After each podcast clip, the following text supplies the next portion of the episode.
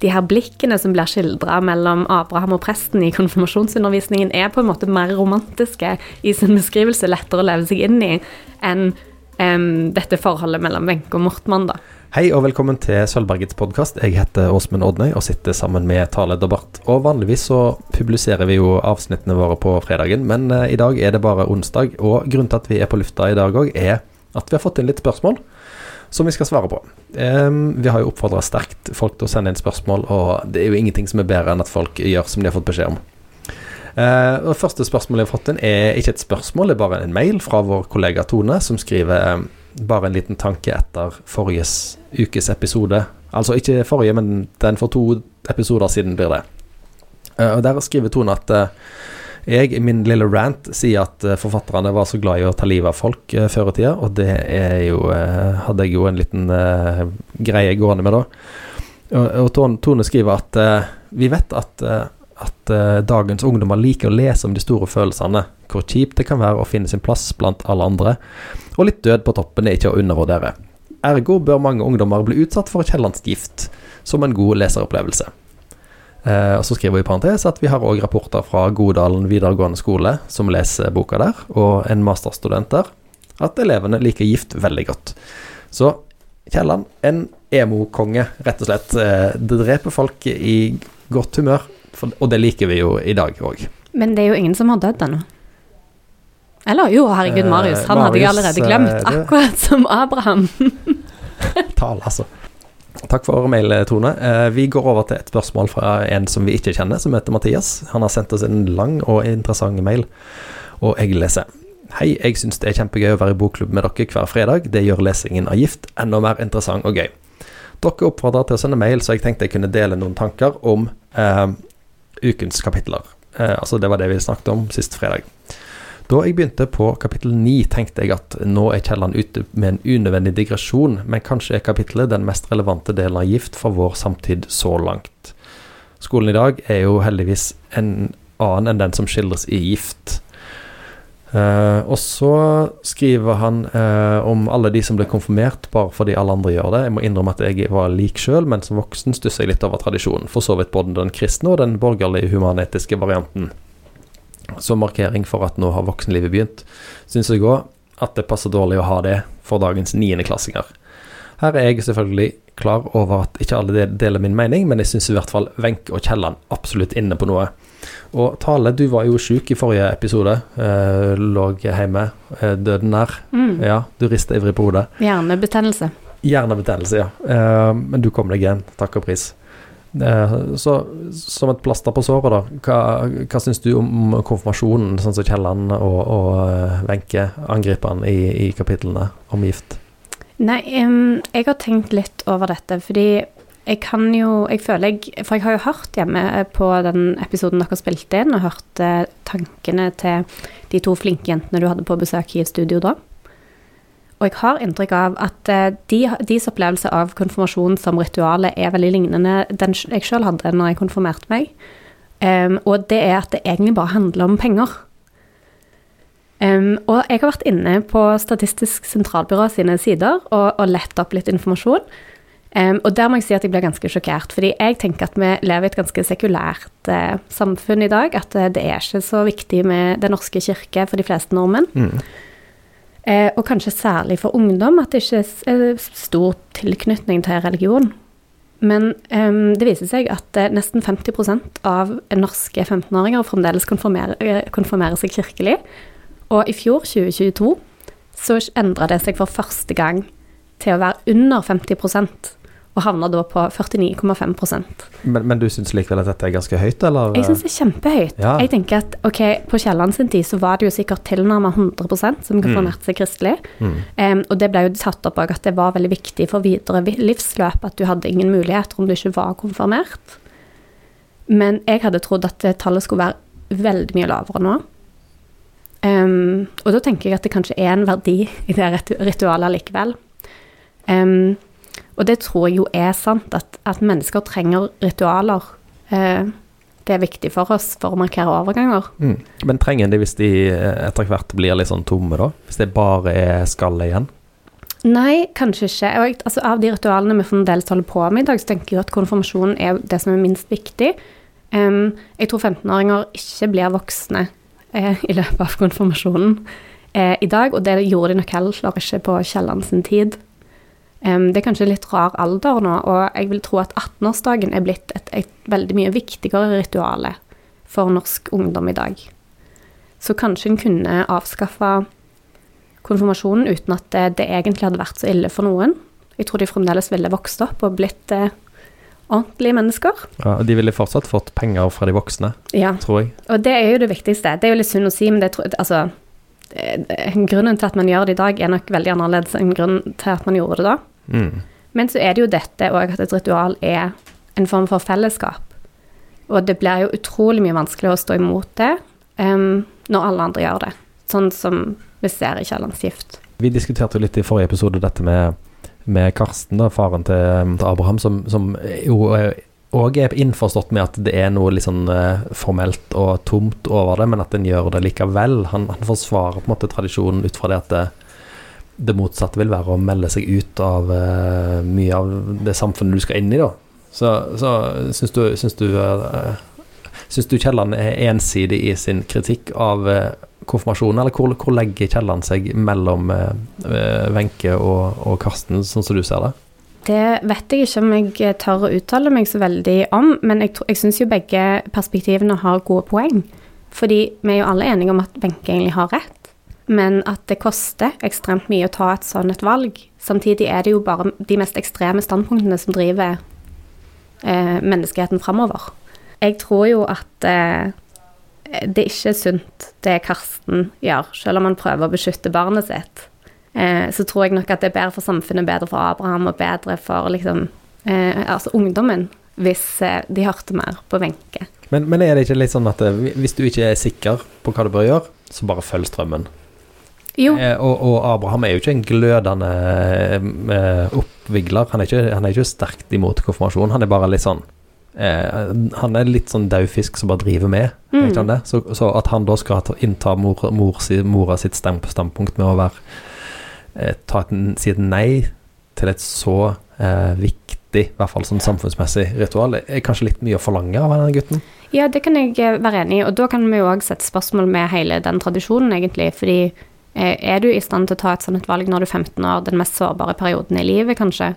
Det er jo ingen tidspunkt i livet det er vanskeligere å stå opp for seg sjøl og, skille seg ut enn når man er i tenårene. Ja, særlig, særlig, når du blir fortalt at dette her er viktig for deg. sant? Det, jeg tror det er mange som eh, velger fag på videregående ut fra det de har hørt av foreldrene at det er lurt å ta. Mm. Du må velge disse realfagene, for da står alle dørene åpne for deg, liksom.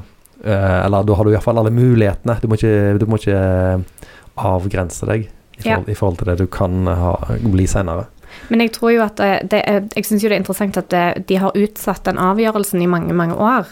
Um, fordi tydeligvis var det ikke sånn at du ble konfirmert når du var 15 på Kiellands tid. Da var det sånn, vet ikke jeg, spennende ja, jeg lurte litt på hva, hva er det lavere aldersgrense for konfirmasjon på den tida der? Hvis du er sinnssykt god i pugging og sånt når du er seks år, kan du bli konfirmert da? Sant, kanskje lille Marius ville vært hvis, hvis, det hadde vært foregått på latin, så hadde han blitt konfirmert. Han hadde stått fremst på gulvet, jeg er helt sikker på. Mm. Vi skal gå til neste spørsmål fra Mathias, og det er en, en, artig tolkning, syns jeg, da. Jeg siterer fra brevet. Jeg vil prøve meg på en liten tolkning. I kapittel 9 bruker flere av karakterene rusmidler. Abraham drikker sherry og røyker, og professoren går i medisinskapet. Wenche og Mortmann er mulig rusa, de òg, om ikke av alkohol, så i det minste av lidenskap. Rus har ikke vært et tema tidligere, da i Gift, så når det blir nevnt så ofte i samme kapittel som kristendom, tror jeg Kielland setter likhetstegn mellom tro og rus. Kanskje Kielland hadde lest Karl Marx, altså eh, kommunismens far, med hans eh, berømte sitat 'opium for folket'. Hva tenker dere? Og Tale, jeg må innrømme, dette har jeg ikke tenkt på en plass før jeg fikk denne mailen. Har du tenkt på rus slash religion? Nei, altså dette syns jeg var så gøy. Eh, takk, Mathias, for å komme med denne tolkningen. Eh, alle elsker rus. Og eh, det Jeg syns det var veldig gøy, et veldig gøy innspill, men jeg tror ikke jeg er enig. For meg så framstår rus Eller jo, kanskje. Jeg vet ikke. Det blir vanskelig. Altså, for jeg har liksom notert meg at i gift, så er rusen er et, nesten et lokkemiddel.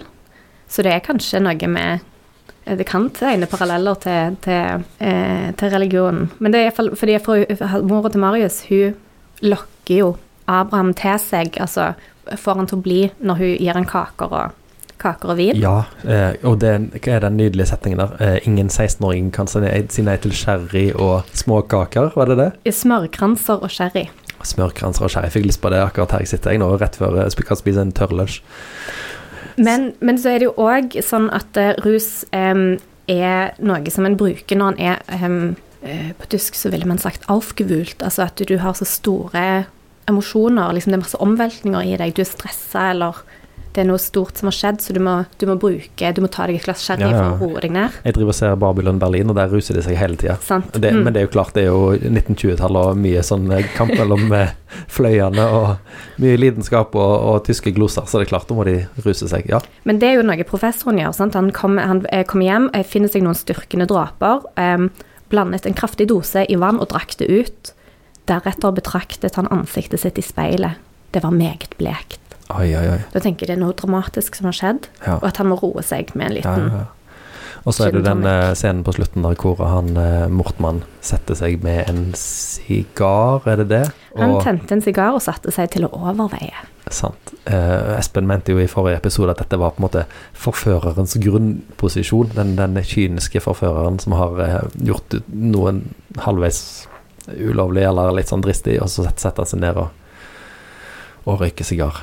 Ja, men, og det er jeg enig i det. Men jeg tenkte at det, på en måte så er rusen bare et virkemiddel for eh, følelseslivet her. Ja. Men samtidig så går det an å tenke likt om religion, at eh, særlig kanskje det med når det skjer noe dramatisk, så søker mange trøst i det åndelige. Ja, ja. Og, og, og uh, enn så mye rus det er i det, disse kapitlene, så uh, for har jeg ikke inntrykk av at de er overstadig. Det er på en måte, De har et ganske naturlig forhold til rus. Ja. Selv om det foregår i en, eh, en dum eh, trehusby som sikkert er full av eh, gammel kristendom, så, så er det ganske moderne forhold til både røyking og drikking, syns jeg, da. Ja, godt poeng. Jeg ble, jeg ble litt glad når han Abraham der jeg begynner med kortspill og drikking og sånt. Da, da, da syns jeg dette har det fortjent, tenkte jeg. Ja, og der tenker jeg at det, det er jo et annet, en annen form for overgangsritualet. Rus er jo òg det, liksom den første rusen for ungdom. Eh, er jo òg en del av det å bli voksen. Ja. og så skal vi over på det neste punkt. Avslutningsvis vil jeg si dette igjen fra Mathias sin mail. Avslutningsvis vil jeg si at jeg ikke er fan av Wenche pluss Mortmann. Nå ble du glad, Tale. Ja, jeg ble kjempeglad. Ah. Syns det er dumt at Wenche ikke bare kan ha en venn som forstår henne uten at det må være romantikk, men det er kanskje mer 2023-tenkning og ikke 1883. Som leser kjøper jeg ikke at de har følelser for hverandre. Kielland sier at de er forelsket i hverandre, men jeg synes jeg kan vise det. Kielland skriver at det er lune samtaler i skumringen ved det røde lyset fra ovnen, men jeg skulle gjerne tatt, eh, gjerne tatt del i det som leser. Er du enig? Er det, er det litt sånn eh, dvask eh, romantisk beskrivelse fra Kielland i forholdet mellom de to? Ja, det syns jeg. jeg synes, det har vi snakket om tidligere. Jeg syns at Wenche som karakter utvikler seg til å bli på en måte mer sårbar og stakkarslig enn det hun trenger å være. Eh, Først så framstår hun som ekstremt sterk, hun har sterke prinsipper og er ikke redd for å snakke om det hun brenner for. Men med en gang Mortmann kommer inn i bildet, så er det akkurat som om hun da trenger han for å være den sterke personen, eller sånt, det er noe som skjer der som ikke er for meg helt troverdig, men jeg, jeg, må jo si meg enig med Mathias òg at jeg er nok veldig farga av tiden jeg lever i. Jeg skal spille av et lite lydklipp for dere, alle sammen. Og det, nå kommer en liten quiz, faktisk. Hvis du hører hvilken film dette klippet er fra, så eh, kan du vinne et eh, eksklusivt, ekstremt eksklusivt eh, Kielland sitt sitteunderlag. Eh, denne filmen er fra 1989, og den er da spilt inn eh, 106 år etter Gift. Så hvis du kjenner igjen denne filmen, så send navnet på filmen til oss i, til podkast etter solberg.no, så kanskje du vinner sitt underlag. Her kommer klippet. What I'm saying is, and this is not a come on in any way, shape, or form, is that men and women can't be friends because the sex part always gets in the way. That's not true. I have a number of men friends and there is no sex involved. No, you don't. Yes, I do. No, you don't. Yes, I You do. only think you do. You're saying I'm having sex with these men without my knowledge? No, what I'm saying is they all want to have sex with you. They do not. Do too. They do not. Do too. How do you know? Because no man can be friends with a woman that he finds attractive. He always wants to have sex with her. So you're saying that a man can be friends with a woman he finds unattractive? No, you pretty much want to nail him too. What if they don't want to have sex with you?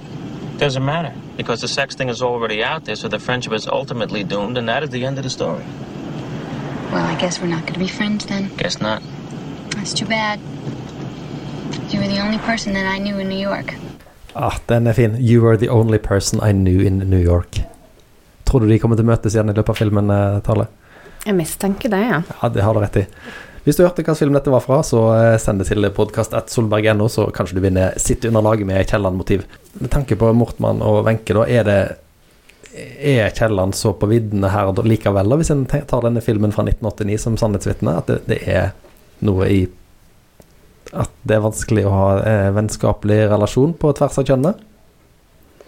Jeg, jeg tenker jo at det er, er veldig forelda tanker. Absolutt. Så de var gyldige fra 19 1883 til 1989, men så har det gått ut på dato? Ja. Ja, ok. Eh, da skal vi i tillegg eh, helt til slutt her eh, eh, komme tilbake til Mathias sin eh, mail, og eh, det er da følgende. Er det øyekast og diskré smil mellom de, eller er slike beskrivelser bare befoldt, be, forbeholdt Abraham og presten? Altså, eh, jeg tolker Mathias som at han eh, tenker at eh, eh, Fins disse øyekastene og diskré smilene mellom eh, og eh, Mortmann, eller fins det Er Kielland mer ivrig å tolke det mellom Abraham og presten, og i så fall, hva betyr det, da? er, er, er dette en skeivlesning av gift vi har eh, Det foran her, er eller? fantastisk. Og dette vil jeg gjerne knytte opp til disse eplene og rektors hage.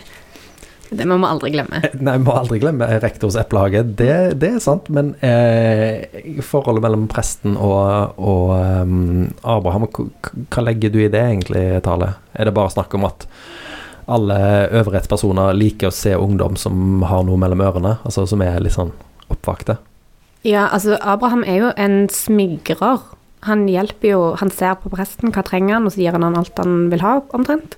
Så eh, det er jo på en måte klassens beste elev, eh, lærerens underling, vi er vitne til her, syns jeg, da.